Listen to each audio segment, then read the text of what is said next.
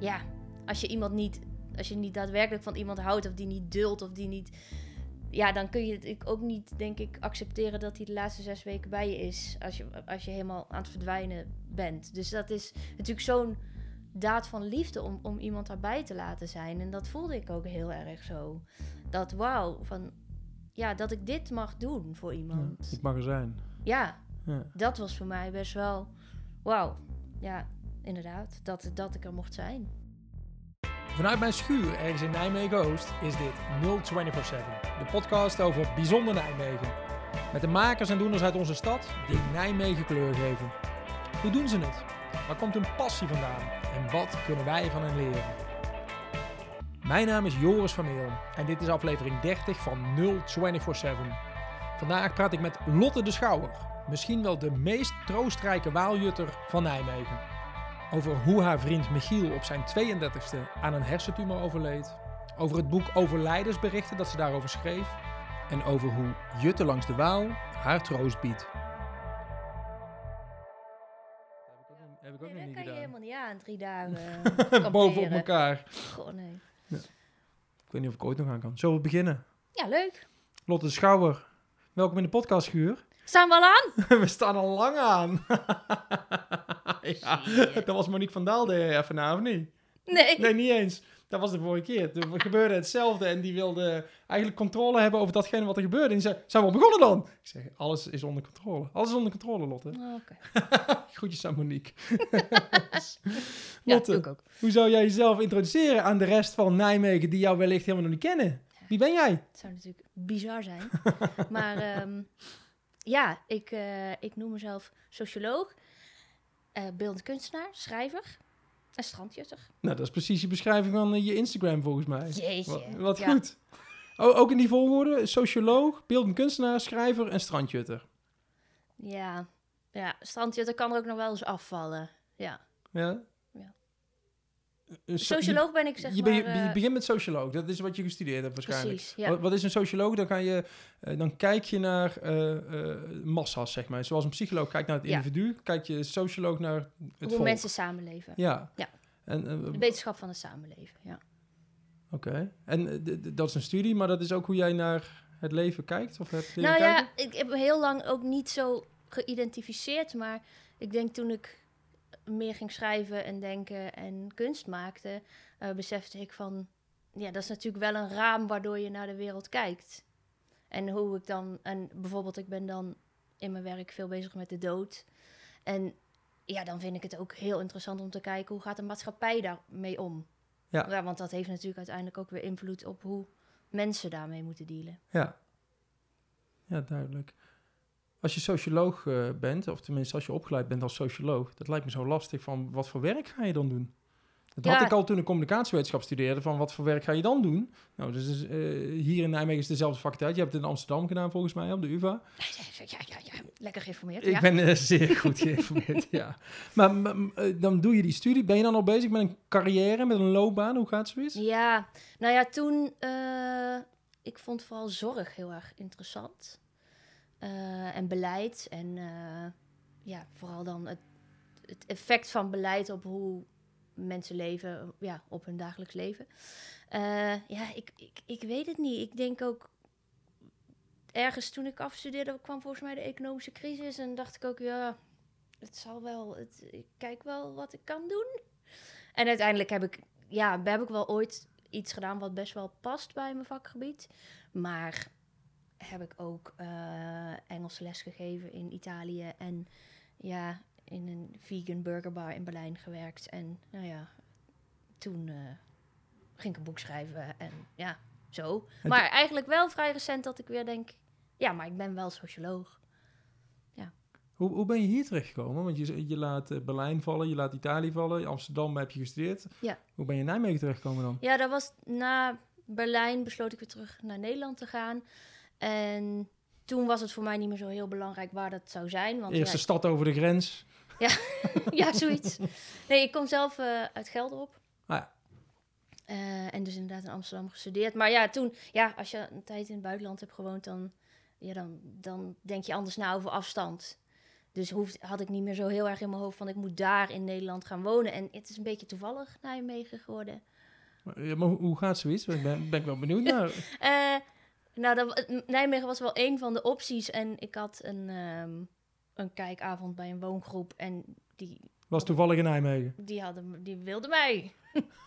en die week was ik ook in Den Haag bijvoorbeeld. Ja, ja, dus zo. als ze je niet had gewild en in Den Haag hadden ze je wel gewild, had je nou bij eh, de Den Haagse podcast op de bank Nou, gezeten? moet je toch niet aan denken? Nou, ik weet het niet. Misschien ook wel heel leuk, maar Ja. ik, ik weet het niet. Dus zo- zo Nijmegen. Ja. Grappig. Hey, eh, je zei net beeldend kunstenaar ook. Ben je dat altijd geweest? Of, of, of word je zoiets? Of hoe, hoe gaat zoiets, die ontdekking? Ehm, nou ja, ik ging dus eigenlijk kunst maken van de dingen die ik jutte. Ja, en je ging jutten om eh, je hoofd leeg te maken, volgens mij. Ja. En je wilde je hoofd leeg maken omdat je wat heel heftigs had meegemaakt. Ja. Dan zijn we rond, want dan zijn we bij- je boek Overlijdensberichten. Hè? Ja. Ehm, je hebt een boek geschreven. Mhm. De- de- de- de- ik, ik heb het gisteravond van je gekregen. Ik heb het gelezen. Je hebt het zo uit, hè? Ja, het is 54 pagina's. Het lukte mij. eh, ik ging laat slapen, maar eh, ja, een mooi boek heb je geschreven. Eh, kun, je, kun je heel kort vertellen waar het over gaat? Ehm, in 2018 ben ik mijn partner verloren aan een hersentumor, Michiel? Michiel. En ehm, ja, het boek gaat eigenlijk, is gebaseerd op dagboekfragmenten voornamelijk uit, eh, uit die tijd. Hij is ehm, de laatste zes weken van zijn leven hebben we samen eh, bij zijn vader gewoond. En ja, ehm, in dat boek beschrijf ik eigenlijk die, die laatste tijd. En ook wel iets over daarna. Het is eigenlijk pas ja, veel later geweest dat ik ben gaan beseffen wat rouw is. Maar op, die, op dat moment ging het nog heel erg over dood en liefde. En ehm, ja, Het is een boek over hoe lelijk en mooi de dood kan zijn, las ik eh, ergens. Ja. Vond ik een hele mooie. dank je. Ja, eh, d- dat, dat dubbele zit ook in je boek. Mhm. Eh, toen je Michiel ontmoette, eh, d- dat was drie jaar daarvoor volgens mij. Hè? Ja, ja, ja, Hoe ging die eerste ontmoeting? Tinder las ik. zeker. En dan, dan, dan zit je, ja, spreek je dan af? Hoe gaat zoiets? Ik ben getrouwd, ik, eh, al heel lang. Oh god, ja nee, ik zit al honderd jaar op Tinder. En eh, ja, dan spreek je af, ja. En toen zag je hem. Toen zag ik... Eh, ja, je had hem al op foto's gezien, Ja, maar toen zag je hem in het echt. ja. En, En, en wat zag je toen? ehm, mooi man, sowieso. Hele lange, mooie, kale man. En ja, ik had meteen zo'n gevoel van... Ik wist, ik wist al dat hij ziek was, voordat ik hem ontmoette. Dat heb je dan door het te appen met elkaar, Ja. heb je dat al Ja. uitgewisseld? Dat kwam al heel snel, ja, ter sprake. Ja. En ja, ik merkte gewoon van... Ik was in die tijd depressief. En ik, ik snapte van... Ja, hij heeft, hij heeft zoveel meegemaakt en, en zoveel pijn gehad. En ja, dat had ik eigenlijk ook op een heel ander vlak. Maar dat ik daardoor wist van... Dan mag ik er ook zijn. En ja, dat was eigenlijk meteen een soort van eh, thuiskomen. ja. Je was allebei ziek in je hoofd, eh, schrijf je in je boek. ik, vind- ik vond dat een hele harde k- constatering, maar, maar ook wel ge- gelijkwaardigheid zit erin of zo. Dan, eh, ja, precies. ja, het is natuurlijk op een heel andere manier, maar ja. Ja, want hij, was het al, hij, hij had al een tumor sinds zijn achttiende volgens mij in zijn hoofd, klopt dat? Ja, ja. Dat, ja, ze wist het eh, vanaf zijn 18 al, ja. Maar ehm, het zou mensen ook af kunnen schrikken. Eh, als in, Michiel heeft een hersentumor, oeh, Ja. wat, eh, ja, daar kom ik niet te dichtbij, want dat wordt spannend. Ja. Zeg maar. Jou schrok het niet af. Nee, veel mensen zeggen dan ook van dat is moedig, maar ik denk dat dat vooral met bindingsangst te maken heeft. Jouw bindingsangst. Vertel eens. eh, ja, moeite met hechten. En als je dan ehm, iemand ontmoet waarvan je eigenlijk meteen weet van ja, die, die gaat niet oud worden. ja, dat is een voordeel. Ja, dan is er geen, niet heel veel toekomst en dat is dan minder eng. Ja, Ja, dus mij schrok het juist helemaal niet af. ja. En ook niet. eh, Maar goed, het was ook wel iemand. ehm, eh, tuurlijk had zijn eh, ziekte wel effect op hem. Maar ja, viel eigenlijk heel erg mee. Als je bedenkt wat hij toch al. Toen ook al aan operaties en weet ik veel wat had gehad, was hij daar niet heel erg door beperkt. Dus ja, dat, ja, dat scheelt ook. ja. En dan begin je een relatie. Ja. En dan vind je elkaar leuk. En dan komt er een... Of tenminste, je, je gaat eerst een paar keer daten. En dan komt die Mm. relatie vanzelf meestal. Mm, Niet andersom. Ehm, het is niet zo dat jullie drie jaar lang een relatie hebben gehad totdat hij eh, er niet meer was. Het was een knipperlichtrelatie. Ja. Hoe, hoe kon dat? Kun je, wil je daar iets over vertellen? In, in je boek schrijf je dat ook mooi, dus daarom durf ik het ook te Ja, vragen. nee, dat mag ook zeker. Ehm, nou ja, we waren heel eh, verschillend. En eh, wat ik zei, ik zat met die bindingsangst. En ehm, dus ik bleef dan de hele tijd een beetje wegrennen en, en weer terugkomen. Maar en dat had er ook heel erg mee te maken dat hij juist enorm vast zat in zijn leven.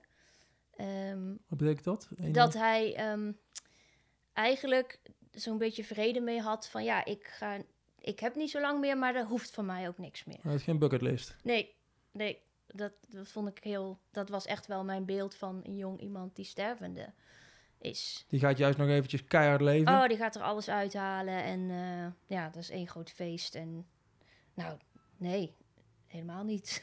Viel het dan tegen of viel het juist mee voor jou? Nou, dat viel mij niet per se tegen, want dat lijkt me toch. Als je het met, van een bucketlist moet hebben, Ja. ja. nee, dan denk ik van, ja, heb je dan wel genoeg van de rest gemaakt? Ja? Ik vond dat eigenlijk wel heel verfrissend, want ja, ik dacht, oh, ja, dan, dan moet je heel de tijd op stap en zo. Maar goed, bij hem was het echt helemaal tegenovergestelde. Wat betekende dat hij? Ja, heel erg ja, kluizenarig was met zijn hondje op zijn verdiepingje. En ja, dat er niet zoveel kon. En ik was nog juist, Ah, ik was helemaal niet klaar om al keuzes te maken van hier ga ik blijven en met die persoon en zo. Maar het was al vrij snel dat hij tegen mij zei van, ik ga niet verhuizen en ik ga ook niet meer op reis. En toen dacht ik, oh, ja, dat, eh, daar had ik dan ook weer niet voor ogen. Dus toen dacht jij van, dikke dooi, ik, ik ben er vandoor. Mm, ja, nou ja. Het was wel zo dat we lange tijd ook niet echt tot elkaar kwamen daarin. Dus ik, ik voelde me dan daar heel erg in beperkt. Maar ik, ik had denk ik het gevoel of ik, had nooit geleerd of ik kende het niet om dat dan te uiten. En dat er dan iets mee werd gedaan. Dus ik denk ook dat ik dat niet heel erg. eh, dat we dat niet heel veel eh, bespraken, maar dat ik meer zo dacht van ja, nou ja, dit is het en ja, dan kan ik maar beter weer gaan. En ja, dat- maar ja, dan kwamen we toch altijd weer wel bij elkaar. Want ja, er was wel iets. Ja. En ehm, ja, dus dat, en dat, toen hebben we elkaar ook echt best een tijd niet gezien. Uiteindelijk is dat ook wel gelukt, want ja, het was inderdaad de hele tijd weer eh, op en af. Ehm, en toen we weer wel, toen op een gegeven moment met elkaar in contact kwamen, ik weet ook niet helemaal goed meer wat daarvoor de aanleiding was, maar toen, ehm, ja, toen was er opeens van allebei de kanten dat we dachten van ja, maar ja, als we dit willen, toch? Het lijkt er toch wel op dat we dit willen. Dan moeten we allebei zo'n stap naar elkaar gaan zetten. En dat hebben we ook gedaan. Maar dat betekent dat hij wat meer uit zijn kluizenaarschap kwam? En... Ja. Hij ging mee op vakantie naar Hey. buitenland zelfs. right on. ja. En, eh, en ik mocht niet meer zo maar wegrennen. Nee, en, dat was de afspraak. Ja, ja, nou, nou ja, en dat we gewoon... Ja, we gingen veel meer praten. Ja. Ja. Je had een echte relatie waarbij je niet meer bang hoefde te zijn dat het een knipperlicht zou worden. Jullie kozen voor elkaar. Ja, en dat... Ja, als je ook het gevoel hebt dat je, dat je alles kunt zeggen... en dat dat veilig is en dat er iets mee wordt gedaan... dan ga je dat ook doen. En ja, Heb je het al net toen je elkaar ontmoette, toen had je last van een depressie. Ja. Je had bindingsangst. Die, die dingen hebben met elkaar te maken. Kun je, kun je uitleggen wat een depressie eigenlijk is? Wat, hoe- wat was er toen met je aan de hand? Ehm, ja, hoe ik het nu zie, ehm, is dat vooral een leven van je een leven lang je heel erg aanpassen. Dat gewoon een beetje de, de strategie die ik heb gekozen, denk ik, als, als, als kind al, om, om met het leven om te gaan en gewoon niet echt uitspreken en heel erg aanpassen aan alles wat er maar gebeurt. En En niet echt naar jezelf luisteren dus. Precies, en heel erg gewoon je best doen voor anderen. En ja, eigenlijk inderdaad totaal niet weten wat je zelf... En misschien, niet, misschien nog wel wat je leuk vindt, maar niet waar je grenzen liggen bijvoorbeeld. Ja. Of, Want dat en- bepaalde iemand anders dan. Want daar paste jij je dan wel aan ja, aan. want het was veel belangrijker dat je iemand anders tevreden houdt. Ja. Ja, dat je... Ja, precies. En ja, dat, dat, dat heeft zich al vanaf mijn negentiende geuit in, in angsten en, en depressies, waarbij ik dan... eh, ja, dat ging bijvoorbeeld van... Dat had bijvoorbeeld pleinvrees. Dat, dat kreeg ik op een gegeven moment. We hadden het net over festivals. Lowlands. Nou ja, daar... eh, ja, ik ben daar wel eens gewoon van na, na een paar uur gewoon weggegaan van het terrein. Wat best wel een uitdaging is, want erin komen, dat, dat kennen we allemaal. Maar er weer uitgaan, maar dat kan ook. Ehm, en vervolgens zo bang zijn dat ik, daar, dat ik door die ervaring, dat, dat die betekende van ja, dat ik nooit meer iets zou kunnen doen. Dat ik, ik, zou, ik ging toen net studeren. Dat ik ook niet, niet meer in een collegebank zou kunnen zitten. Ja, dan wordt, ja, dan, ehm, dat is zo eng. En zeker op die leeftijd wil je zo meedoen. En ja, ja dan, dan, dan raak je, ja, dan raak je in een depressie. Dan, ja, dan is alles gewoon best wel zwart en uitzichtloos. En... Maar is het dan zo dat je bij momenten dat het zwart en uitzichtloos is? Of is het een constante flow van zwartheid en uitzichtloosheid? Ja, die duurde dan vaak best wel lang. Dat ging wel een beetje op en af.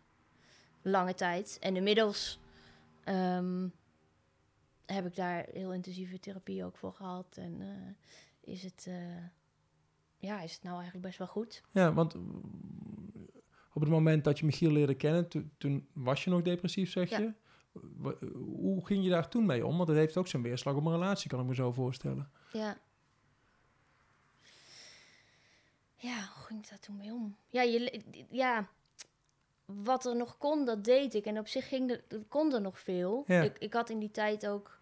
Ik woonde toen dus net weer in, in, uh, in Nederland. En ik had drie baantjes of zo om het allemaal te redden. En ja, dat deed ik allemaal wel. Maar ik, ja, ik denk dat ik ook ergens nergens echt voor durfde te kiezen. En die eerste baan die ik dan bij een onderzoeksbureau had, waar ik echt wel een soort van socioloog was, ja, daar durfde ik ook te. Ja, ik heb zo'n imposter syndroom van. Ja, maar ik ben helemaal niet een socioloog. Dus ja. Je denkt altijd dat iedereen beter is dan jij. Dat is het ja, dat ze er wel achter zullen. Ja. dat ze erachter gaan komen dat, jij een uh, indringer bent.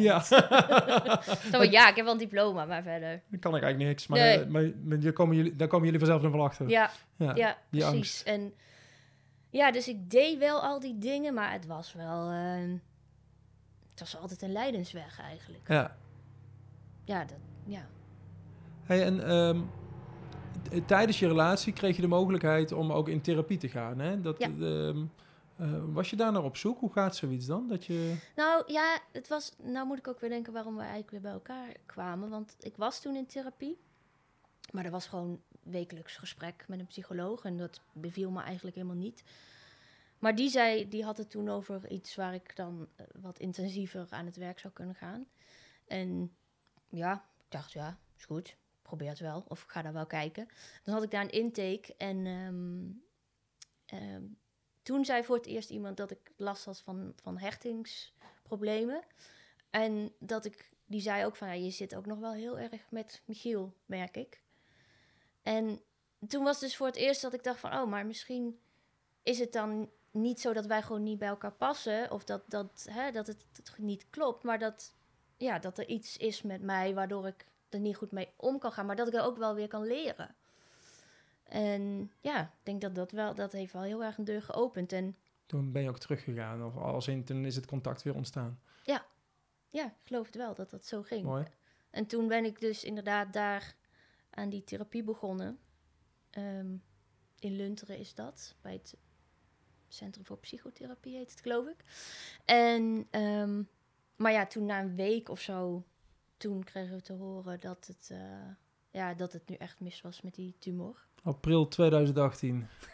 ja. Ja, ik heb uh, aantekeningen gemaakt. Ja, ja, ja, ja, jij hebt allemaal goed, bij, goed bijgehouden ja, in je heb, boek. Dus het was een maar makkelijk voor me. Nou, zegt, ja, dus dat is, April 2018. Je koos eigenlijk voor elkaar. En op het moment dat je daar voor aan het gaan was samen, toen kreeg je dat nieuws te horen. Ja.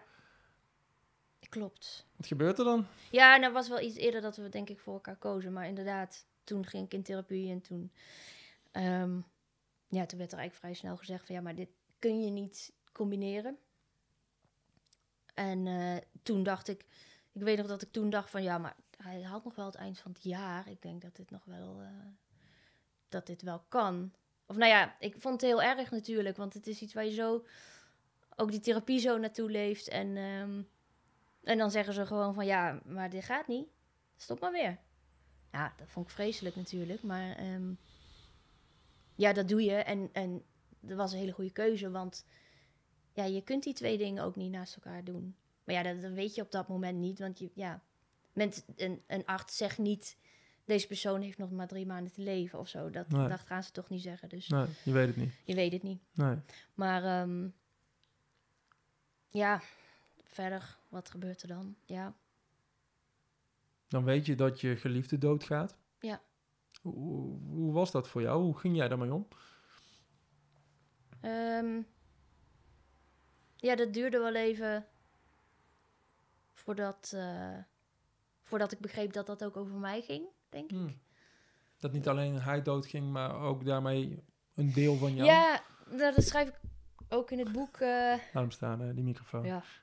Ehm, dat we toen op vakantie waren en ehm, ja, dat ik maar gewoon alle klusjes aan het doen was, lekker aan het zorgen, zodat ik eh, ja, niet echt hoefde te dealen met het, met het verdriet. En, maar ja, dat ik toen ook zoiets had van ja, maar de, ja, dat hou ik niet vol.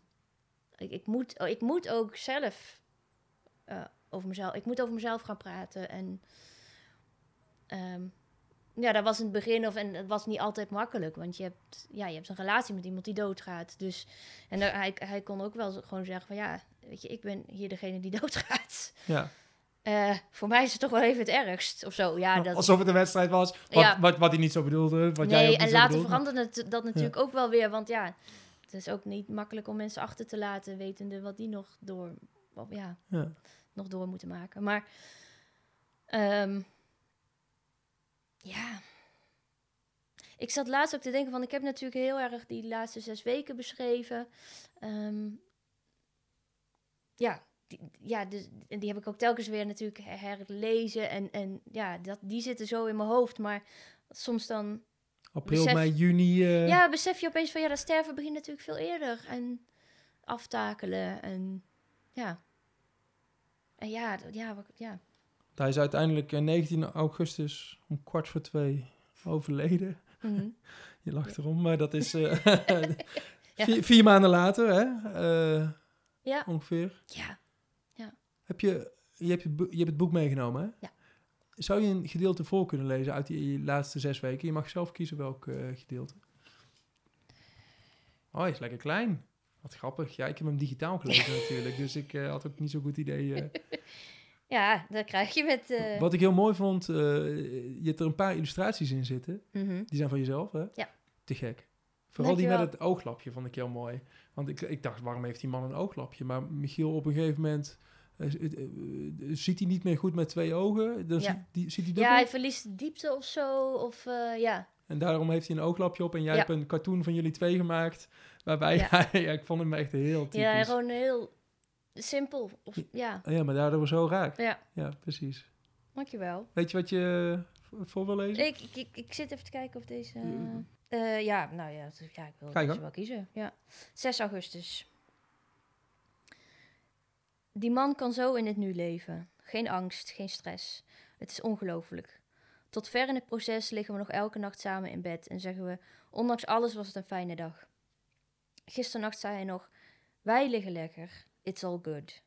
Als in: Er is niets anders wat er nu toe doet.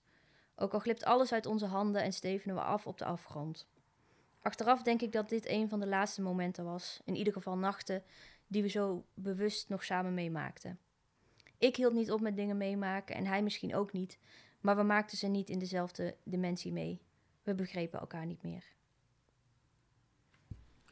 Twaalf dagen voor zijn dood Ja. was dat, hè?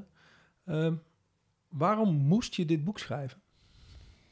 Ehm, Want je had ook gewoon die dagboekfragmenten voor jezelf kunnen houden... en de rest, eh, de context eromheen, niet hoeven schetsen. Je had het voor Ja. jezelf. Waarom moest je het ook doen? ja, ja, ik had dat inderdaad al tijdens die zes weken dat ik dacht: wauw, dit is zo bijzonder. het is zo'n bijzondere tijd. En dat het ook zo mooi was. Dat het zo doordrenkt van liefde was. Dat, ehm, dat je denkt, ja, ik denk niet dat iedereen dit weet, dat dit kan. Nee, mensen denken aan de dood als iets heel lelijks alleen. Bedoel ja, je dat? Ja, Ja. ja ik, ik, ik denk altijd van, dood is verlies en verlies, dan gaat er iets weg, dus dan kan nooit iets opleveren. Dit, volgens mij staan we er heel erg zo in. Ja, dus we, zijn er, we willen dat het er niet is en we stellen het zo lang mogelijk uit. Ja, sowieso nadenken over praten over de Dat, dood. dat ja. bedoel ik. Ja, de Ja. dood zelf proberen we ook zo Ja, lang mogelijk dat- uit dat te stellen. dat maar als hij toch in de buurt is, dan proberen we het erover te hebben. eh, het erover hebben ook zo lang mogelijk uit te stellen. Ja. En jij zegt eigenlijk, na wat je hebt meegemaakt, dat zou eigenlijk niet, helemaal niet hoeven. Nee. Maar ik vind, het, ik vind het ook in het dagelijks leven voor mezelf toch ook weer lastig. Als ik dan denk van ehm, met mijn ouders over hun uitvaart praten bijvoorbeeld. Of dat voor mezelf opschrijven. Dan denk ik, ja Lot, jij met je grote bek. Je moet dat zelf ook eh, iets over weten, iets over nalaten. Maar dan, ja, dan blijkt toch wel dat dat... Ja, dat je denkt, ja, dat, kan ik ook morgen doen. Of niet. Ja, maar dan, eh, ik hoop dat voor jou de dood nog heel ver weg is. Ja. eh, Heel veel mensen hebben natuurlijk ook het ongeluk dat ze het wel van tevoren te horen krijgen dat ze eerder weggaan dan ze eigenlijk eh, eh, zouden, eh, eerder doodgaan dan ze eigenlijk zouden willen. Ja. Het, de dood dan toch in de bek kijken, daar is ook wel lef voor nodig. ja. Ehm, maar wetende dat daar ook een mooie kant aan zit, dan, dan, dan kun je er misschien op een andere manier mee omgaan. Kun jij uitleggen waarom het zo mooi was? Je, je zegt doordrenkt van liefde, maar je zegt Ja. ook ergens dat je er beter uit bent gekomen. Ja. Kun je dat uitleggen? Ja, ja. Ehm, ja, ik denk dat. ehm, inderdaad, je moet het wel in de ogen durven te kijken, in de bek durven te kijken. Want ik denk, ik denk dat het een geluk is als je het weet. Hè? Ja, nee. In plaats ik, van dat je dadelijk de straat had- oversteekt en ja, een auto ik had absoluut niet. Ik had echt dit wel willen meemaken en niet, eh, niet een plotselinge dood. Nee, nee, ik had het echt niet willen missen. Ehm, ik denk vooral dat eh, als het zo'n jong iemand betreft, dat je. ehm, ja, dat er gewoon heel veel. Ja, dat, dat klopt niet natuurlijk voor mensen. En dat, er komt zoveel emotie bij kijken van iedereen daaromheen. En ehm, ja, je gaat zo naar de kern van, van je vriendschap of van je familierelatie of van je liefdesrelatie. En ehm, nou ja, ik was daar natuurlijk ook een soort van een van de spillen in. Dus ik, ik zag ook alles. Ja, En, want de laatste zes weken, dat hebben we nou nog niet verteld, ben je bij hem in Zutphen, geloof ik. eh, nee, de vader woonde in Zeddam. Zeddam, dat is ook met een Z. Ja, Sorry. precies. De Achterhoek, dat Ja, was het. ja, inderdaad. Eh, de- zijn vader woonde in Zeddam. Hij had een verpleegkundige achtergrond. En toen zijn jullie bij hem en zijn vriendin, geloof ik, ingetrokken. Ja. En hebben jullie hem verzorgd de laatste zes weken. Ja. Dus dan ben je echt samen, samen. Je, bent je bent er voor Michiel, maar, maar je bouwt ook... Ik kan me voorstellen dat je ook een band eh, opbouwt met, met, met die vader. Mhm. Dat dat, dat dat er ook voor zorgt. Kun je die, die laatste zes weken, je zegt zoveel verloren, maar ik vond nog meer. eh, schrijf je ergens in je boek. Wat heb je gevonden? Ehm, ja, heel erg dat, ehm, dat onvoorwaardelijke wat, wat Michiel voor mij voelde. Blijkbaar. Dat, dat, nou ja, daar kwam natuurlijk nog meer naar voren in die laatste zes weken. Want ja, ja als je iemand niet, als je niet daadwerkelijk van iemand houdt, of die niet duldt, of die niet ja, dan kun je het ik ook niet, denk ik, accepteren dat hij de laatste zes weken bij je is. Als je, als je helemaal aan het verdwijnen bent. Dus dat is natuurlijk zo'n daad van liefde om, om iemand daarbij te laten zijn. En dat voelde ik ook heel erg zo. Dat wauw, van ja, dat ik dit mag doen voor Ja, iemand. het mag er zijn. Ja, Ja. dat was voor mij best wel wauw. Ja, inderdaad. Dat, dat ik er mocht zijn. Dat, ja. dat was alles. En ehm, ja, dus dat heeft me het heel erg opgeleverd, ja. Hey, hoe snel na zijn dood heb je bedacht, ik moet hier wat mee met alles wat ik heb opgeschreven, met alles wat er in mijn hoofd zit. De boodschap ook van, het is niet alleen lelijk die dood, hij is ook heel mooi. Ik wil die boodschap de wereld inbrengen. Ja. Hoe- Nou ja, ik, ik had het dus al tijdens die zes weken, dacht ik op een gegeven Ja. moment van... eh, oh, ik moet... Ja, ik was toen aan het schrijven, maar toen dacht ik al, ja, ik moet echt... Ja, er zijn heel veel dingen die ook niet in het, in het boek staan, maar zijn bijvoorbeeld ook gewoon... Ja, dat ik dan naast hem lag en dat ik gewoon opschreef wat hij nog allemaal uitkraamde. Ja, het was steeds verwarrender, eh, zei, Ja. zei je ergens. Eh, de- de- de- daar heb je geen voorbeelden van in je boek genomen, maar... Nou, wel bijvoorbeeld volgens mij dat hij op een gegeven moment... ehm, en zegt hij dat zijn vader schilder is, dat hij moet schilderen. Oh, ja. En dan vraag ik van of zijn vader misschien kunstschilder is. En dat weet hij dan zelf ook niet. Dan ging hij het googelen. ging hij pa googelen. Ja. Ja, de- ja, dat vond ik, ja, dat vond ik heel pijnlijk, maar dat vond ik ook hilarisch. Ja. Gewoon dan kijken van wat je dan nog voor gesprek kunt hebben. ja, in plaats van dat je er heel verdrietig van wordt dat, dat hij niet meer kan wat hij ooit kon. Ja, wat natuurlijk soms ook wel was. Zeker Tuurlijk. als er dan andere mensen bij waren die dat... Want dat gaat zo snel. Het gaat zo snel dat je, dat je ene dag... eh, kun je dat gesprek nog wel hebben of op een bepaald dagdeel. En de volgende dag gewoon niet meer. En ja, als er dan mensen zijn die, die de ene week op bezoek zijn geweest... en een week later weer komen en zien van... Wow, de gesprek wat we vorige week hadden kan echt niet meer. En ja, dat kan heel pijnlijk zijn natuurlijk. Ja. Was het ook, ja. Ja, jij zag het elke dag. Ja. Jij was er elke dag bij, dus je... Ja, dan, dan ben je een soort van tolk op een gegeven moment. Want dan, dan heb je natuurlijk wel een beetje door van... Ja, dit kan nou niet meer. Of wat hij nou zegt. Dat heeft niks met dit gesprek te maken. En dan probeer je nog maar iets van te maken. Heftig, ook voor jou. Ja, Zes weken lang. Je bent er ook al eventjes uit geweest, volgens mij, of niet? ja, een paar, ja, een paar Een dagen. paar dagen, gewoon om, om weer adem te happen. Ja, dat, op een eh? gegeven moment was het inderdaad eh, toen... ehm, ehm, toen hij op een gegeven moment niet meer begreep dat hij ziek was.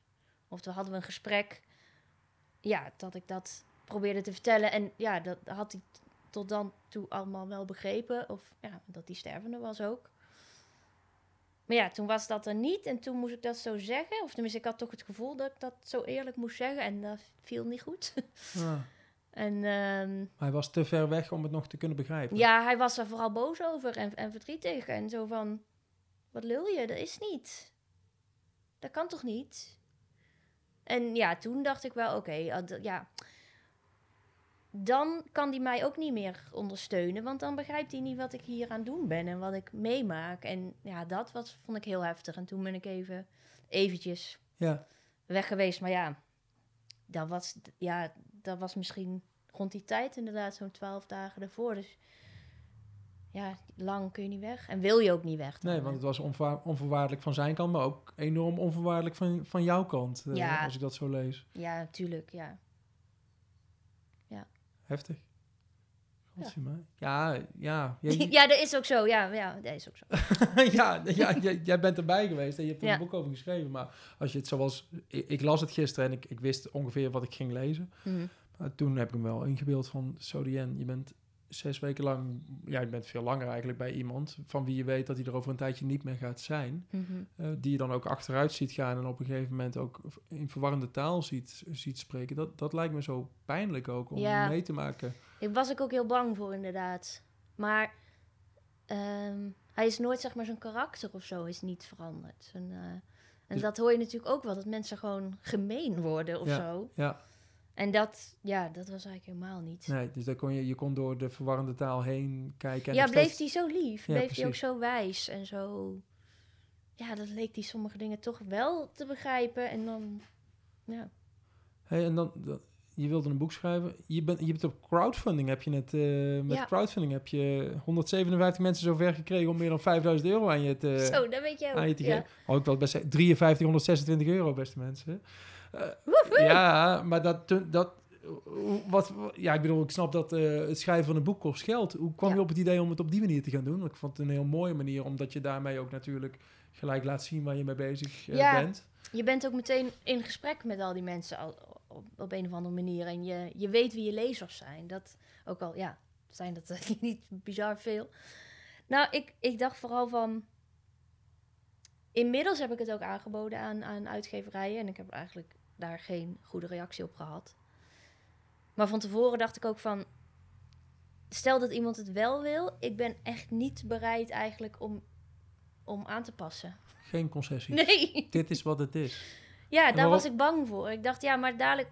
Dan wil iemand het uitgeven, maar die zegt van... Ja, maar dit kun je niet zo zeggen. Of dit moet anders. En ik dacht, ja, daar, daar kan niet bij dit Nee. boek. En door het op deze manier te doen, heb je alles in eigen hand. Want je hebt Ja. volledig in eigen beheer gedaan, eh, volgens Ja. mij. Hè?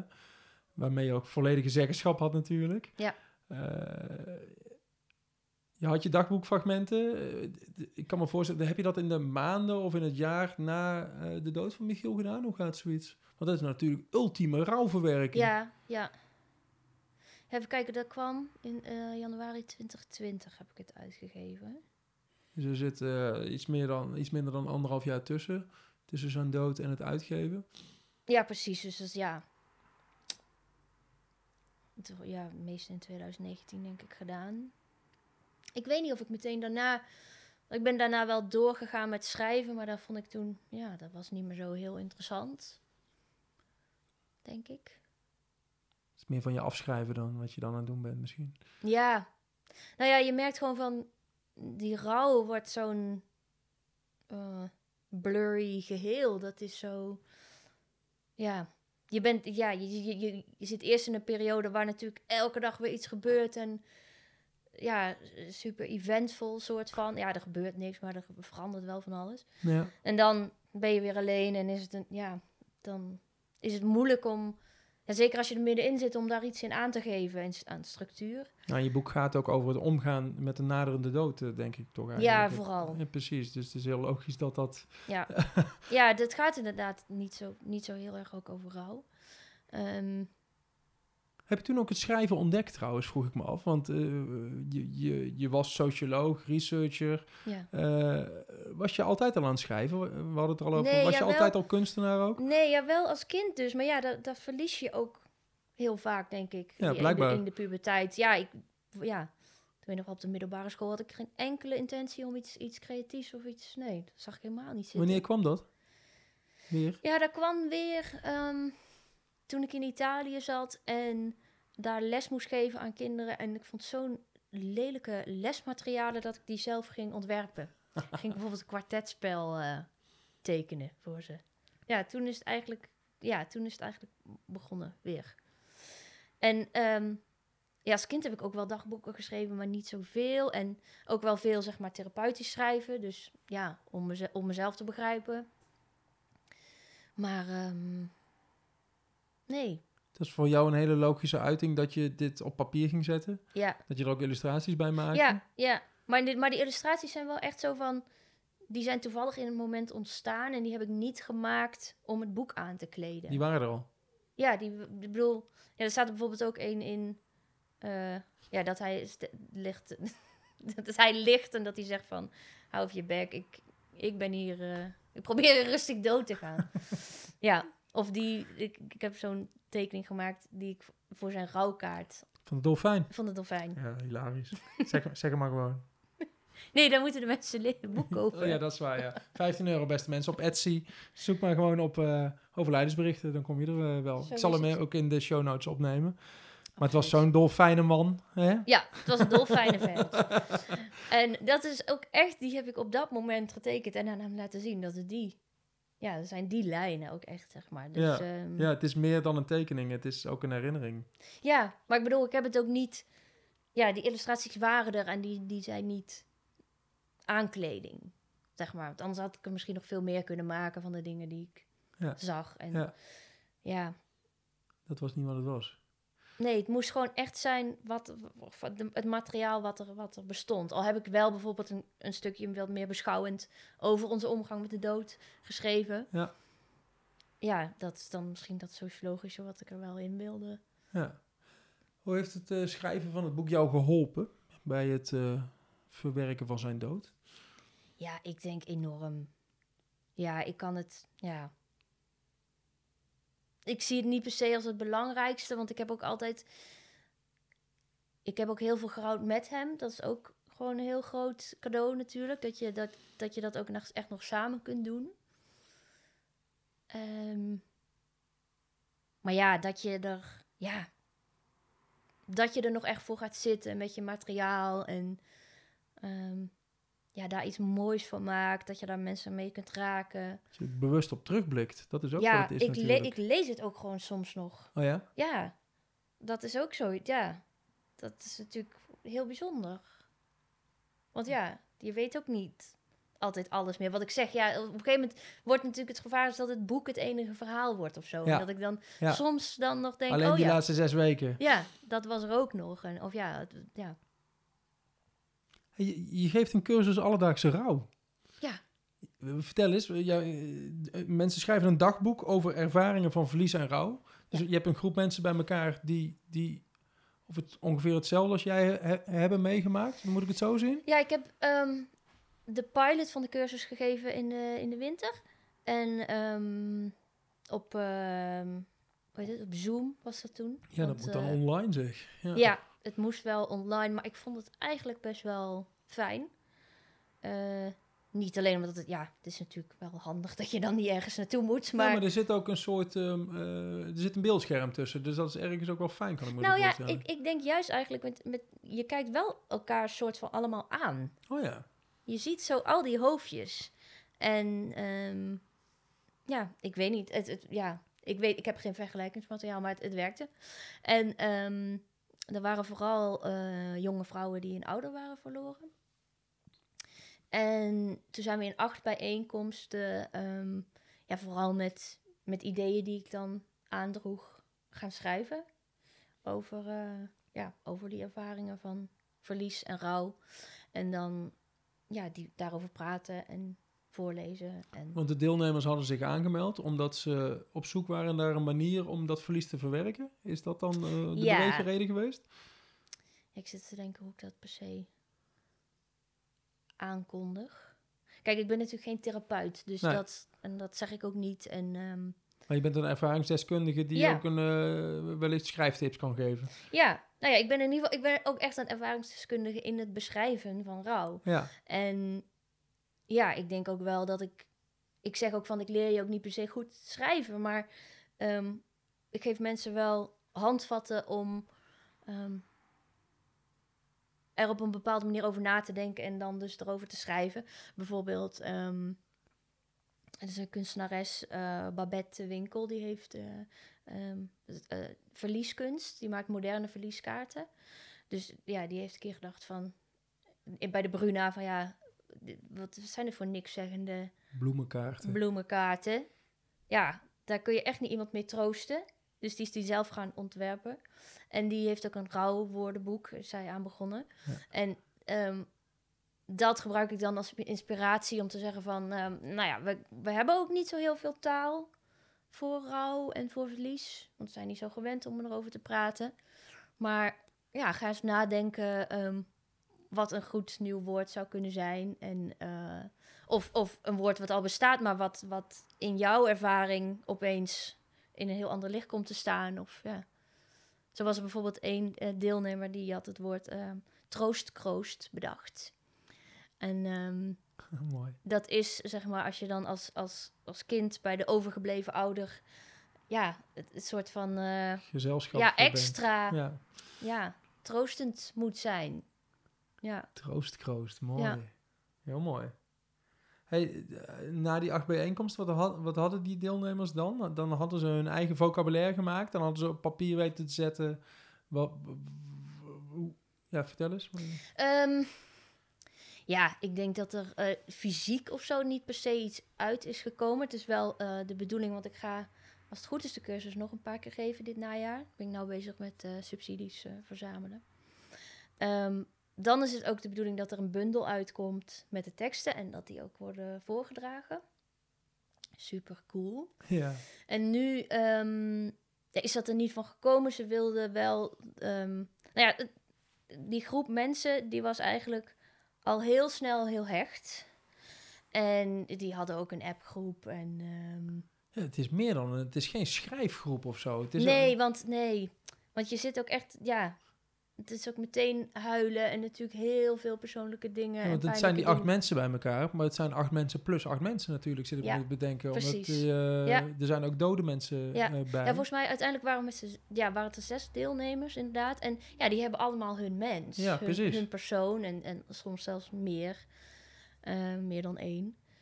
Ehm, dus die hebben ook nog wel, ook nog wel onderling, onderling contact, sommigen. Ehm, wat ik heel mooi vond, was dat iemand zei van... Ik, ik weet ook beter als een vriendin ernaar vraagt wat ik zou kunnen zeggen. Want ja, dan kan ik bijvoorbeeld vertellen wat, wat we deze week hebben gedaan. En ja, je hebt gewoon letterlijk denk ik niet zo heel veel woorden ervoor. Niet zoveel taal. Ja, je biedt houvast. En ja, als je, daar, als je daar echt inderdaad met elkaar over gaat sparren en een woordspin maken. En ja, en ook echt wel, ik bedoel, je bent ook wel een paar bijeenkomsten echt bezig met, met het verhaal vertellen natuurlijk van elkaar. Want ja, dat, dat kan eigenlijk niet zonder. Je moet ook, ja, je moet heel veel vertrouwen opbouwen natuurlijk. Ja, en dat heeft weer als voordeel dat je ziet dat er meer mensen zijn zoals jij, aan wie je ook weer vast kunt Ja houden. want, ja, want veel van hun zeiden ook inderdaad van... ja, die kenden dan misschien wel iemand die eerder ook een ouder was verloren... en, en zeggen dan van, ja, jeetje,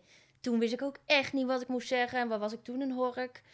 Maar niet veel. Ze kennen niet veel mensen die, Ja. die dezelfde ervaring hebben. En dan is het zo fijn om even met gelijkgestemden te zijn... en eh, ja, gewoon stomme dingen. Zoals, ja, het mooie van die cursus was, en ik hoop dat, dat we dat nu weer kunnen doen, dat we net voor kerst begonnen en ja, daarna weer verder. Dus dat je, ja, dat je daar overheen, dat, dat je daar over kunt praten. Dus van tevoren en daarna, eh, want het is natuurlijk extra moeilijke Je tijd. bedoelt eh, dat je met kerst dat er een lege stoel is?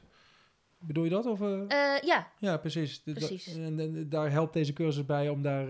ja, nou ja, Ja. ik vond dat wel heel fijn om Snap dat ik. ook te kunnen bieden. Ja. Dat je niet zo hebt van, oh en nu is het kerstvakantie, veel succes. ja, Want het, terwijl het juist vaak zo zwaar is. ja. Ik weet niet meer wat ik daarover. Nee, terwijl, Nou, dat juist, was gewoon mooi. terwijl het juist zo zwaar is. Klaar. Ja. Ja. Hey, eh, in het najaar doe je, dat- ga je het weer doen. Je, je vraagt Ja. subsidie aan. Hoe, hoe Ja. gaat, waar vraag je subsidie aan? Hoe gaat dat? Ehm, ja, ik doe dit samen met de Wintertuin, dus een Oh ja. Nijmeegse literatuurorganisatie. Ehm, dus die helpen me daar ook wel bij, want sommige dingen moet je als stichting aanvragen. Die kijken ook creatief mee en zo en eh, helpen dan met de, een begroting opstellen. Want ja, je weet ook niet om wat voor bedragen dat gaat. Zo. Ehm, ja, je hebt bijvoorbeeld eh, een VSB-fonds, Bank Giro Loterij. Ja, ja. Ehm, er is zelfs een, een, ehm, eh, een fonds, eh, het heet Stimuleringsfonds Rauw. Dus dat is speciaal voor projecten over rouw. Ehm, en ik heb van de gemeente Nijmegen al iets gekregen. Oh joh. Ja. Maar dan, dan dien je iets in en Ja. wat moet je dan laten zien voordat je eh, gehonoreerd wordt? Ja, je moet, ik bedoel, er, er- ja, een heel projectplan schrijven.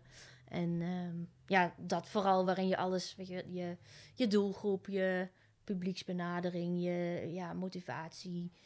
Ja, waar komt het idee vandaan? Hoe, wat hoop je te bereiken? Hoe ga je dat monitoren? En het is allemaal net weer anders. Bij al die fondsen is net weer een andere insteek. Dus Ja. Zoveel verloren, maar ik vond nog meer. Dat geldt ook hiervoor eigenlijk. Hè. Dit komt eigenlijk allemaal voort Ja. uit datgene wat, eh, nou ja, wat jij in gang hebt gezet tijdens en na de dood van, eh, eh, van Michiel. Ja. God. ja, zeker. Ja, en dat is, ja, dat vind ik echt heel mooi. Ja, Ja. en fijn. Ik, wil, ik wil het toch nog even over het, eh, over het jutten hebben hoor. Ja, tuurlijk. Je bent een waaljutter. Mhm.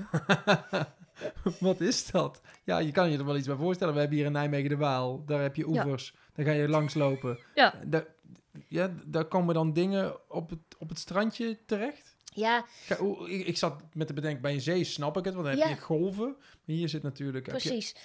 Nou, dat is interessant dat je dat zegt. Je hebt in het, in het Brits-Engels heb je namelijk ook twee woorden daarvoor. Heb je beachcombing en mudlarking.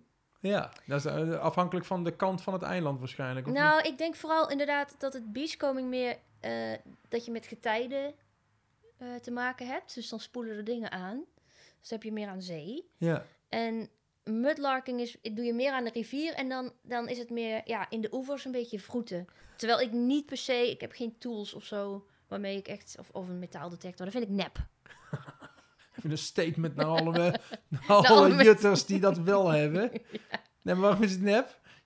Nou ja, is niet ik- het echte gevoel, daar gaat het niet om. nee, ik wil, het- nee, het gaat er mij om van wat ik, ja, het is ook echt deel van de ervaring dat het is wat ik zie. Ja, dat Ja. je niet geholpen wordt. Ja, Ja. Dan ben ik tegen de klapschaats, want dan word je ook geholpen. nee, ik heb geen mening over. Nee, lijkt me heel verstandig. Eh, eh, eh, hoe gaat zoiets? Want dit ben je gaan doen na zijn dood, om, om, Ja. om je hoofd vrij te maken.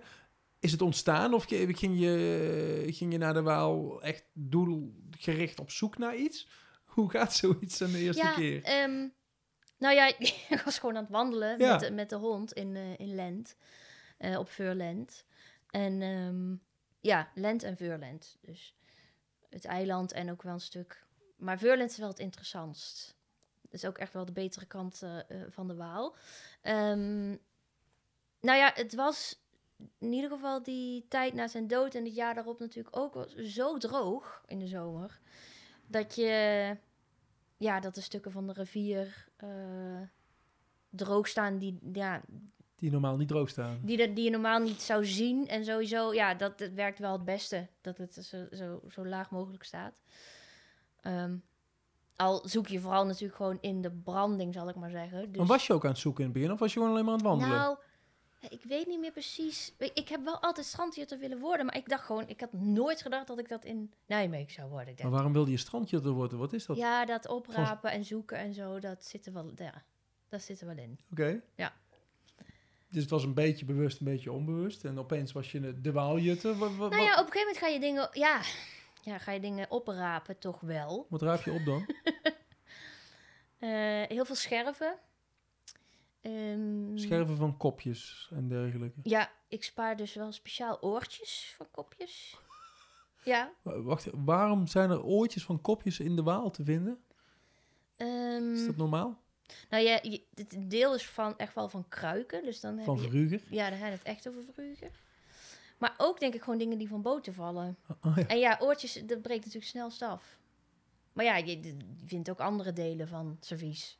Maar oortjes zijn jouw lievelings. Oortjes zijn mijn lievelings, want die oortjes, ehm, die zijn van Michiel. Dus die zeggen dan van, ik luister naar je. Ja, ja.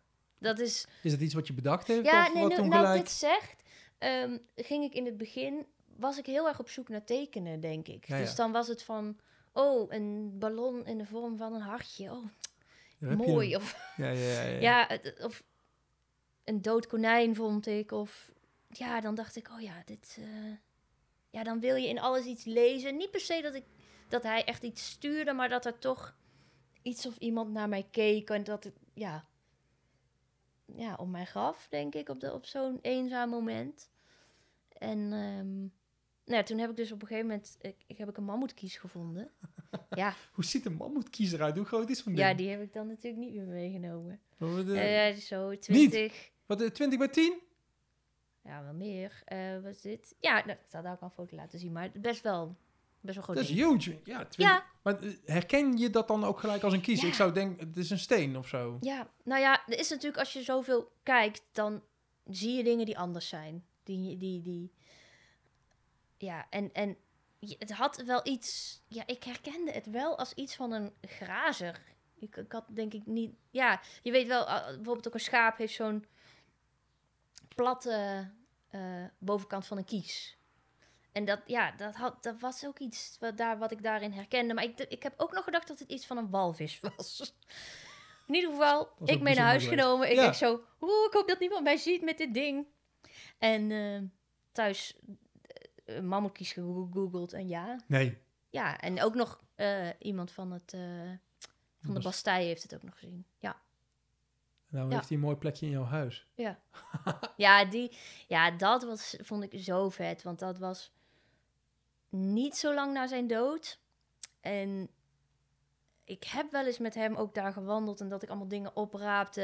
En dat hij echt zoiets had van... Oh, echt voor lul. Waarom loop ik hier met die gek? En eh, ja... Dus ik dacht, ja, dat is wel echt heel grappig dat ik dit nou vind. En ik, ik dacht ook, ja, dat, dat heb ik van hem gekregen. Dat, ja, Mooi. dus dat is, die, die mammoetkies is misschien wel het bezit wat mij het meest aan hem herinnert. Terwijl hij het zelf nooit heeft gezien, Nee. tenminste. Mooi. Doe je het nog steeds? Ja, Hoe, hoe vaak doe je, eh, wanneer ga je dan? Ja. Wat is een goede tijd om te gaan jutten? ja het is eh, wel dus als de waal wat lager staat, dus ja, het begint nu wel zeker weer interessant te worden. Ik heb wel een nieuwe hond die helaas er minder in eh, geïnteresseerd is. Die wil altijd helemaal de andere kant op. Die heb je verkeerd gerecruiteerd. Ja, dat is heel, echt een waardeloos assistent. Ehm, dus Je moet hem ook- opleiden. opleiden tot een, een Ja. juthond. Laatst ben ik ook echt wel voor het eerst zonder haar gegaan. Ik dacht, ja, dat is echt heel raar. Maar ja. Nou goed, ja. De, maar toen ik haar nog niet had, dus vorig jaar bijvoorbeeld, ging ik wel... ehm, ja, dan ga ik wel drie keer in de week of zo. Zo lekker even aan het eind van de dag. Ja. Een rugzakje op, eh, laarzen of als het lekker weer een slippers. En vind je eh, dan altijd iets of niet? Ja, ik vind eigenlijk wel altijd iets. Ja, ik, ik, zei ook, ik heb dingen meegenomen. Ja, laat zien. dan moeten we dan... eh, Oh, eh, je haalt er een tas bij en ik hoor gewoon... Ja, precies dat. Dingen. Ja, scherven, wat zijn het? Nou, ik heb bijvoorbeeld... Wat is dat dan? Dit, lieve mensen, is een horen. Het is een soort vallensymbool, wilde ik zeggen, maar het is een horen. Ja, Een en horen volgens van mij... een... Nou ja, dit het zag ik, zie ik dan later bij de Bastei ook zoiets. En dan, ja, dan blijkt dat van een oeros te zijn of zo. Tenminste, ja. Dit is toch te gek. Maar het is houtachtig lijkt het wel eh, bijna te Ja. zijn. ja, maar het is toch ook bizar sowieso hoe bot en, en tanden... Dit is ook echt wel een prehistorisch dier, hoor. Wauw. Nou, daar heb ik bijvoorbeeld wel... Maar dit ligt dan een beetje op de, op de oever. Moet ik het zo... Ja, Maar waarom... Waar, er komen tientallen mensen langs, kan ik me zo voorstellen. ja maar jij komen zit... niet veel mensen gelukkig. Ook niet doen, hè. maar eh, ja. ja, het is heel erg natuurlijk een oog hebben. En dan gewoon ook elke dag komen. Want het water Ja, ja, staat dan net telkens weer een beetje anders. Ja. En je kijkt toch vooral net waar, ja, in de branding of in de waterlinie, ik ja waar, waar nieuwe aanvoer wordt neergelegd. Nou ja, nee, dat gebeurt dus niet. Oké. Want je hebt, ehm, het is gewoon wat er is, denk ik. Het, het, het, het stroomt niet, het, Maar je kijkt niet in het... niet aan. Nee, precies, want je kijkt niet in het natte gedeelte. Het is echt in het droge gedeelte. Nee, je kijkt wel in het natte gedeelte, denk ik, omdat je daar, daar zie je de kleuren, dan zie je beter wat het, wat je, wat het is. Want soms, inderdaad, het is natuurlijk kleigrond, dus alles zit ook een beetje onder een laagje klei. En als het dan helemaal droog is, dan, dan lijkt het ook allemaal een beetje hetzelfde. Dus het is ook juist wel heel goed om in het natte te kijken. Geef je hier ook als cursussen in? Het lijkt me echt te gek. Ja, maar ik ben dan bang dat als ik dan ga, dat, ja, dat of iemand iets heel vets vindt natuurlijk, of juist niks. Ja, ja. Nou, ja, maar ja, ze gaan met zeehonden. Je gaat ook wel zeehonden spotten. En dan zie je natuurlijk ook geen zeehonden. Oh ja, Het is toch het en dat idee. vinden mensen ook prima. Ja, oh, ja precies. Dan zijn ze toch even weg geweest thuis. precies. Als je het een keer doet, ga ik mee. Ja, is goed. Ja. Wat is dat? eh, Ja, dit zijn visspulletjes. We hebben een belletje en loodjes. maar die neem je dan dus ook mee? En een viskorfje. Ja, maar dat is dus omdat ik... ja, eigenlijk wel, want die, die... Ja, het vind ik dan wel leuk om daar heel veel verschillende van te hebben. Maar ik had dus een expositie afgelopen september in de dorpsschuur in Lent. Scherfstukken Ja. met de SCH tussen haakjes. Uh-huh. Ja, dat was super bijzonder en mooi. En ja, dat ging ook echt over, over de rouwverwerking. Over ja, wat ik daaruit haalde, uit de troost die ik daaruit haalde.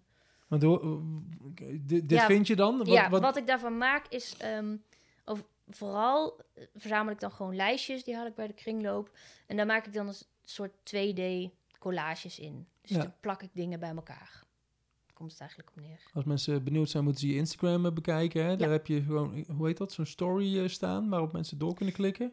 Ja, precies. Ja, er staan ook wel gewoon foto's in mijn feed. Ja, Zeker, dus Ja. mensen kunnen ze ook kopen. ja, Zeker. ja. Maar, maar je maakt er collages van. Eh, heb, je, heb je ook een viscollage dan? Als in v- Nee, maar ik heb bijvoorbeeld wel, ja, niet met deze dingen, maar ik, heb, ik vind ook wel eens zo'n, je vindt ook wel eens zo'n visje. Wat is dat dan? Ook iets waar een haak aan zit en daar moet die vis in bijten of zo? Ja, ik, Ik ben weet- geen visser. nee. Ja, maar ik denk dat mensen die wel vissen het nou wel begrepen hebben. Ja. Ja. Die vind je dan ook? Ja. Ja, dus daar heb ik ook, daar heb ik wel eens die opgeplakt en dan zelf een staart bijgemaakt en zo, met, met dan weer iets anders, met een stuk glas. Maar deze dingen, ik heb bijvoorbeeld wel eh, over die loodjes geleerd van een, een kindje wat dan op die ehm, eh, expositie was en die heel veel over vissen wist en die, ja, die had ook allemaal namen van Louisiana, eh, weet ik het. En daar wist hij bij alles, wist hij daar iets over te zeggen. En dit is dus een voerkorfje. En nou ja, sinds ik dat weet, ja, kan ik die ook niet meer laten liggen. Nee, dat begrijp ik. Maar het is wel mooi. Je ruimt ook gelijk de natuur op daarmee. Ja, Ja, dus Ja. Dat, dat is positief te maar ja, ik weet niet. Ik, ja, ik, ook, ik doe wel te, te waardevolle dingen natuurlijk. Nou, dan heb je bijvoorbeeld ehm, de pijpjes. Wat voor pijpjes zijn dat dan? Ja, die zijn dus ook achter, ja, weet ik Is dat veel, natuurlijk? 16e eeuw. Dus van klei. En eh, eigenlijk, ik, ik laat nou even een kopje zien en ehm, een steeltje. En eigenlijk is hij super Oh, ja. lang. Ja. Hij is nog veel, lang- veel langer dan dit. Dus je vindt hem natuurlijk altijd allemaal in stukken. Jemig. En dan vooral deze vind je wel veel. Ja, deze zijn ook nog mooi versierd. Nou, dit, de koeientag. Er is een stukje waar ik heel veel golfballen vind. Al heel lang niet gebeurd, maar... maar er is niet echt een golf... Ja, dat is onder de Waalbrug. Ik denk misschien heeft iemand daar bovenop. Of op een boot of zo. Ja, op een boot wellicht gewoon even zijn, Ja, eh, zijn swing lopen oefenen. Dat is de ideale plek om zijn swing te oefenen. Dus dan Ja. vind jij golfballen. Ja. Maar je neemt het allemaal mee. En, en dan ligt Ja, het... maar weet je, dit is dan misschien wat ik op een dag vind. Ja, en dan? Niet, Dan kom je thuis. ja, Maar als maar, je dit elke dag vindt, dan... ja, eh, maar nee, nee, het valt allemaal wel mee. Ja, ik heb ook een werkplek waar ik het nou wel heb, maar het zijn natuurlijk echt wel allemaal kleine dingen die, je- ja, die je gewoon in dozen kan doen. ja. ja, en dan wachten tot, tot het moment dat jij een collage gaat maken en alles bij elkaar Ja, het komt. is vooral inderdaad, ja. Heb je het geordend? Golfballen bij golfballen. Ja. Ja. Ja, dat Hoeveel golfballen heb je? Ik denk dat ik er wel een stuk of tien heb gevonden of zo daar. Soms vind ik hem ook wel eens op een andere plek. Ja, het hoeft niet alleen van de Waal. Oh ja, ik had nog een oortje meegenomen. ah, kijk, daar heb je hem.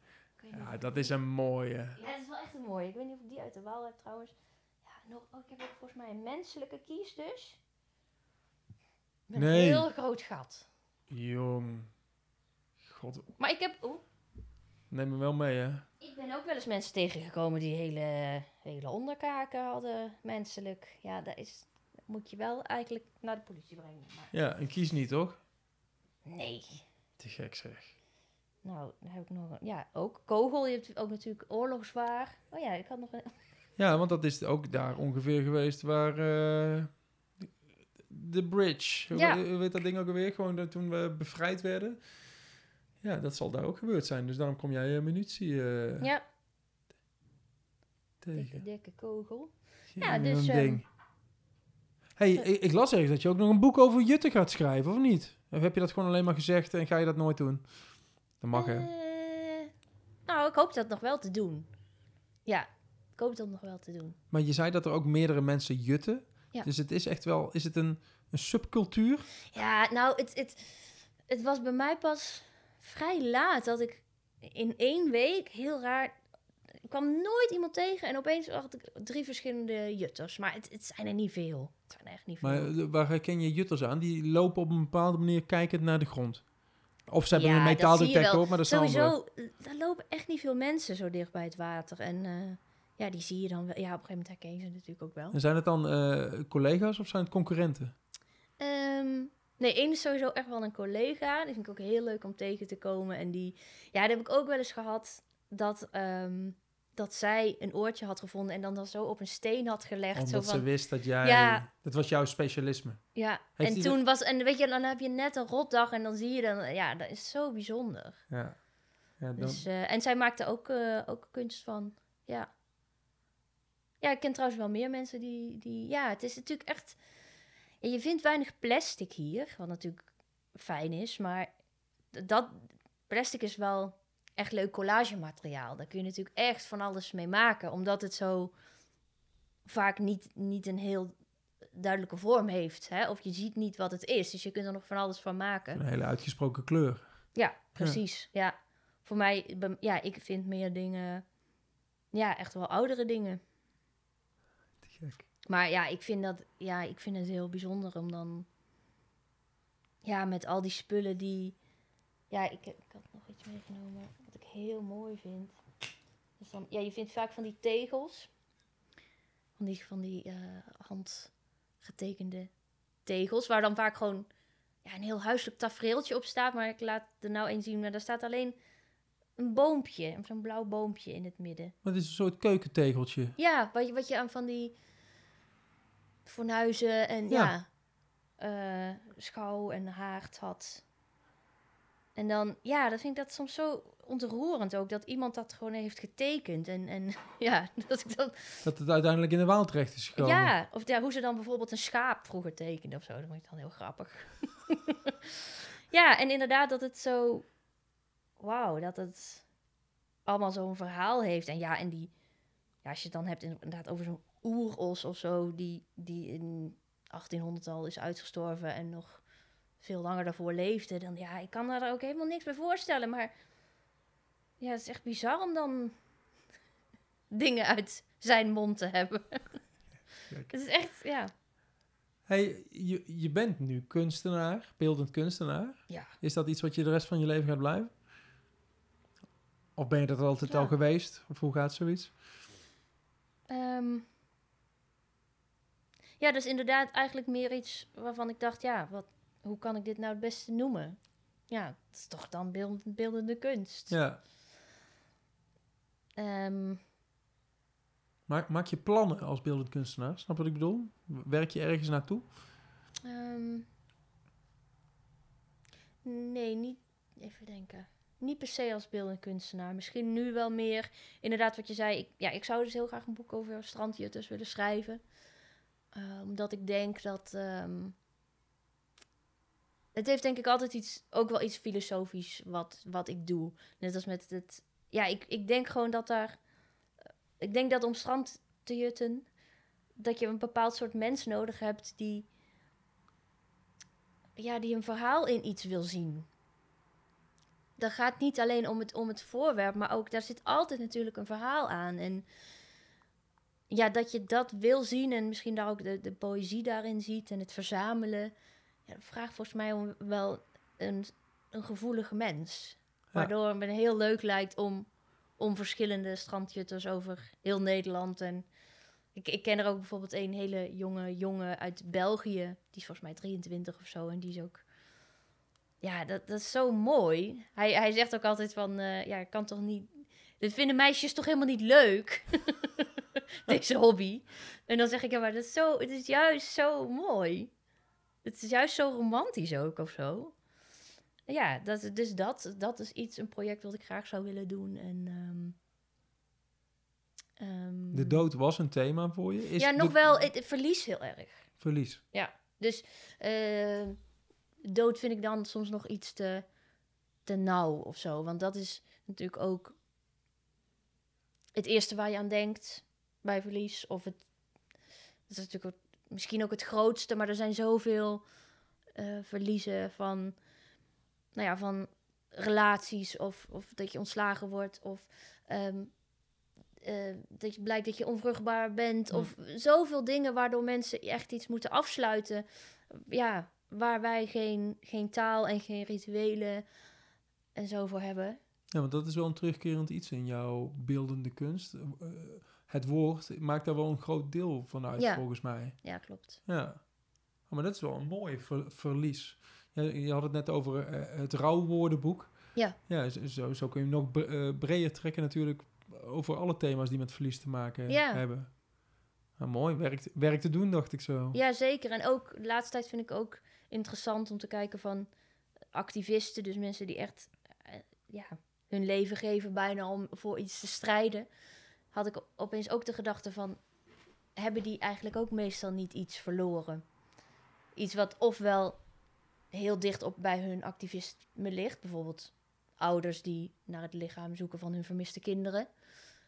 Dat is natuurlijk een heel duidelijk verlies, maar ik denk dat het wel vaker zo is. Dat, ja, dat de verlies de ogen opent. En Ah, dat dat, dat eh, En strijdbaar urgentie maakt. heeft. Ja, Ja. precies. Ja. Ja, dat is ergens bij mij ook wel zo. Dat ik denk van ja, dit, ja. Inderdaad, die urgentie, dat is natuurlijk ook zoiets moois wat ik daarvan eh, wa- daaraan heb overgehouden. Ja, Maar dit is iets heel anders. Dat is wel grappig. Dat eh, een heel ander thema. Eh, en daar ga je dan over nadenken en wellicht komt er iets uit. Dat is, hoe- dat is hoe dat gaat.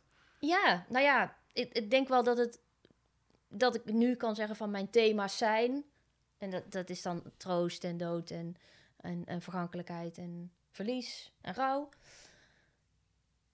Maar ja, dat is wel leuk om daar dan inderdaad een, ja, een project of zo bij te zoeken waar je dan in kan duiken. Iets van kan maken. Een boek of een expositie of een... Tof. Dus dat is, eh, is nog genoeg te doen, ja. Hebben we het over dingen niet gehad waar jij het eh, wel met mij overdag te gaan hebben? Nee, ik denk eigenlijk ook wel eh, behoorlijk wat besproken hebben. dat denk ik ook. hey, het was fijn dat je er was. Het gaat je goed. Tot Ja. bij eh, de cursus strandjutten, waaljutten. Ja, dat is goed. Mocht je er ooit komen. Ja, ik ontwerp er een. Is goed. Dankjewel, Lotte. Ja. Zo, dit eh, was hem alweer. De dertigste aflevering van 0247. Ik praat vandaag met Lotte de Schouwer. Misschien wel de meest troostrijke waaljutter van Nijmegen.